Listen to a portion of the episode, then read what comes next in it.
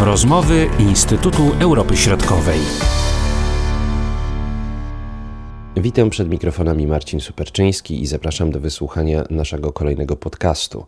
Poważne wsparcie finansowe dla projektu Trójmorza zadeklarowały Stany Zjednoczone. Deklaracja ta padła podczas szczytu państw zaangażowanych w to przedsięwzięcie w Tallinie. Niezwykle istotne są także polsko-amerykańskie ustalenia dotyczące rozwoju energetyki jądrowej w naszym kraju. O najważniejszych decyzjach, jakie zapadły w Tallinie, mówi starszy analityk w Zespole Wyszehradzkim dr Łukasz Lewkowicz. Można to rozpatrywać na szczeblu multilateralnym, czyli inicjatywy Trójmorza jako całości, ale także jeżeli chodzi o te relacje chociażby polsko-amerykańskie lub polsko-estońskie. Wydaje mi się, że takimi bardzo, bardzo ważnymi decyzjami, które zostały podjęte podczas szczytu, to było przede wszystkim deklaracja przedstawicieli administracji amerykańskiej, o przeznaczeniu do jednego miliarda euro na rzecz y, Trójmorza zostało właśnie ogłoszone w poniedziałek podczas pierwszego dnia e, szczytu w Tallinie. Tam zadeklarowano, że Stany Zjednoczone przekażą 30% łącznego wkładu wszystkich 12 e, państw uczestniczących w inicjatywie Trójmorza i maksymalnie do 1 miliarda euro. Czyli to jest jakaś konkretna, e, powiedzmy, decyzja finansowa, która może w przyszłości być istotna dla, dla rozwoju tej inicjatywy. Podczas spotkania dochodziło także do, do podpisywania czy do deklaracji pewnych decyzji e, w takim wymiarze bilateralnym, bo na przykład prezydent Polski Andrzej Duda ogłosił otwarcie Polsko-Estońskiej Izby Gospodarczej. Także e, podczas szczytu e, Trójmorza ogłoszono decyzję o zawarciu umowy między Stanami Zjednoczonymi a Polską dotyczącej y, energetyki jądrowej, współpracy Polski i USA w rozwoju programu polskiej energetyki jądrowej oraz cywilnego przemysłu jądrowego w Polsce. A generalnie sam szczyt y, był w dużym stopniu pod hasłem rozwoju tego smart connectivity, czyli digitalizacji, rozwoju współpracy cyfrowej, co szczególnie w dobie pandemii jest bardzo istotne. Może skoncentrujmy się na początek na tej deklaracji amerykańskiej dotyczącej e, tego jednego miliarda. Proszę powiedzieć, na co te pieniądze mogą być przeznaczone? One oczywiście mogą być przeznaczone na różnego rodzaju inwestycje infrastrukturalne, infrastrukturę transportową, infrastrukturę energetyczną, ale także właśnie we współpracę cyfrową. Czyli to, to, co jest głównymi celami inicjatywy Trójmorza.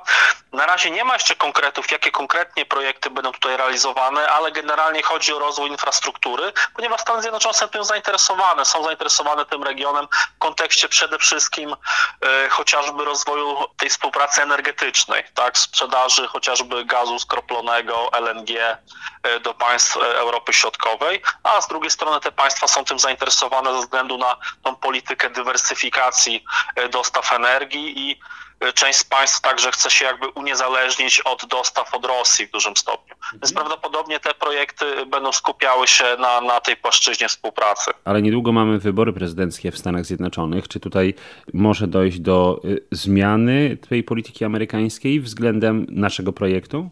E, jest oczywiście pewna niewiadoma, bo też nie wiemy, jakie będą wyniki tych wyborów. Oczywiście, jeżeli na drugą kadencję wygra prezydent Donald Trump, to prawdopodobnie ta współpraca będzie kontynuowana i będzie się e, dynamicznie rozwijała. Natomiast jeżeli wygra jego kontrkandydat z Partii Demokratycznej, e, to może nie, ta współpraca nie zostanie jakoś diametralnie zmniejszona, ponieważ oczywiście Stany Zjednoczone mają swoje interesy gospodarcze w tej części Europy, ale być może e, straci trochę na impecie. Natomiast no, musimy na razie poczekać e, na, na wybory, na ich wyniki. No niewątpliwie to jest jeden z takich, takich wyzwań, przed którymi stoi inicjatywa Trójmorza, bo, bo jak widzimy, Amerykanie są takim ważnym aktorem zewnętrznym, który, e, który jest w ramach inicjatywy Trójmorza i bez Stanów Zjednoczonych oczywiście ta inicjatywa by się pewnie w mniejszym stopniu mogła rozwijać. Pamiętamy zmianę e, polityki Stanów Zjednoczonych, przynajmniej w naszym regionie, e, kiedy prezydentem został Barack Obama. Natomiast wracając do tych umów bezpośrednich między poszczególnymi państwami, czyli na tym poziomie bilateralnym, Polska, Estonia. Co tutaj możemy więcej powiedzieć na ten temat? Powstanie ta Izba Gospodarcza, no to jest jakby wejście Polski też w tą północną część Europy, czy, czy państw Unii Europejskiej.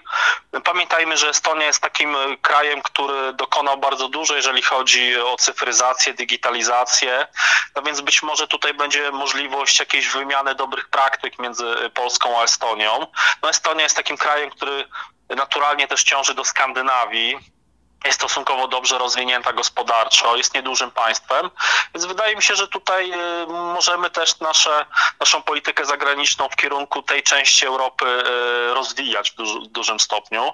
Jakie będą efekty, to oczywiście zobaczymy po, po, po jakimś czasie, no ale generalnie celem izb gospodarczych jest po prostu intensyfikacja współpracy gospodarczej między przedsiębiorstwami polskimi, estońskimi w tym przypadku. Więc liczę, że ta współpraca się po prostu będzie w większym zakresie E, rozwijać. Mhm. A w kwestii innych umów? Oczywiście tam podczas szczytu także padły pewne mm, deklaracje dotyczące rozwoju funduszu inwestycyjnego Trójmorza, e, ponieważ na początku w tym funduszu właściwie zaangażowana była tylko Polska i Rumunia i teraz podczas szczytu padły deklaracje, że także pozostałe państwa, czy kilka państw regionu chce się w to zaangażować, włożyć pewne środki finansowe. E, oczywiście Estonia też w tym roku dołączyła z Łotwą, więc i kolejne kraje e, zadeklarowały chęć uczestnictwa w tym funduszu, bo on cały czas jest niedoinwestowany w pewnym sensie. Tak samo Amerykanie deklarują, że będą zwiększać tą pomoc pod warunkiem, że państwa same E, najpierw zainwestują czy włożą w ten fundusz. Więc wydaje mi się, że tutaj jest takie największe wyzwanie, które stoi przed inicjatywą Trójmorza, żeby ten fundusz zaczął po prostu funkcjonować na normalnych zasadach, został dokapitalizowany, żeby tam było więcej pieniędzy e, na te środki. No też pamiętajmy o tym, że w szczycie e, w Talinie wzięli udział także partnerzy strategiczni zewnętrzni, prezydent Niemiec Frank-Walter Steinmeier, a także wiceprzewodnicząca Komisji Europejskiej Margrethe Vestager, więc to też pokazuje, że ten wymiar e, europejski został wzmocniony, czy jest kontynuowana powiedzmy ta współpraca, bo też pamiętajmy o tym, że obecnie trwają negocjacje unijne dotyczące przyszłego budżetu oraz tego programu odbudowy Unii Europejskiej po COVID-zie. To jest pytanie otwarte, ile środków zostanie przekazanych właśnie między innymi na infrastrukturę, czy na digitalizację. I wydaje mi się, że tutaj to też jest bardzo ważny aspekt tej współpracy e, trójmorskiej, bo oczywiście przedstawiciele i Niemiec oraz Unii Europejskiej deklarują wspieranie Trójmorza, a pamiętajmy, że te środki unijne to są właściwie ta najważniejsza część finansowania e, inicjatywy Trójmorza obecnie. Inicjatywa Trójmorza jest inicjatywą wewnątrzunijną. Są państwa Unii Europejskiej, i większość tych inwestycji, które y, zostały zgłoszone wcześniej i są obecnie realizowane lub będą realizowane w przyszłości, one będą współfinansowane z funduszy unijnych. Ale na przykład projekty energetyczne, prawda, związane z energetyką, prawda, one są w dużym także, stopniu... Także, no bo oczywiście tutaj jest polityka energetyczna Unii cały czas prowadzona, chodzi o to, żeby dywersyfikować te dostawy.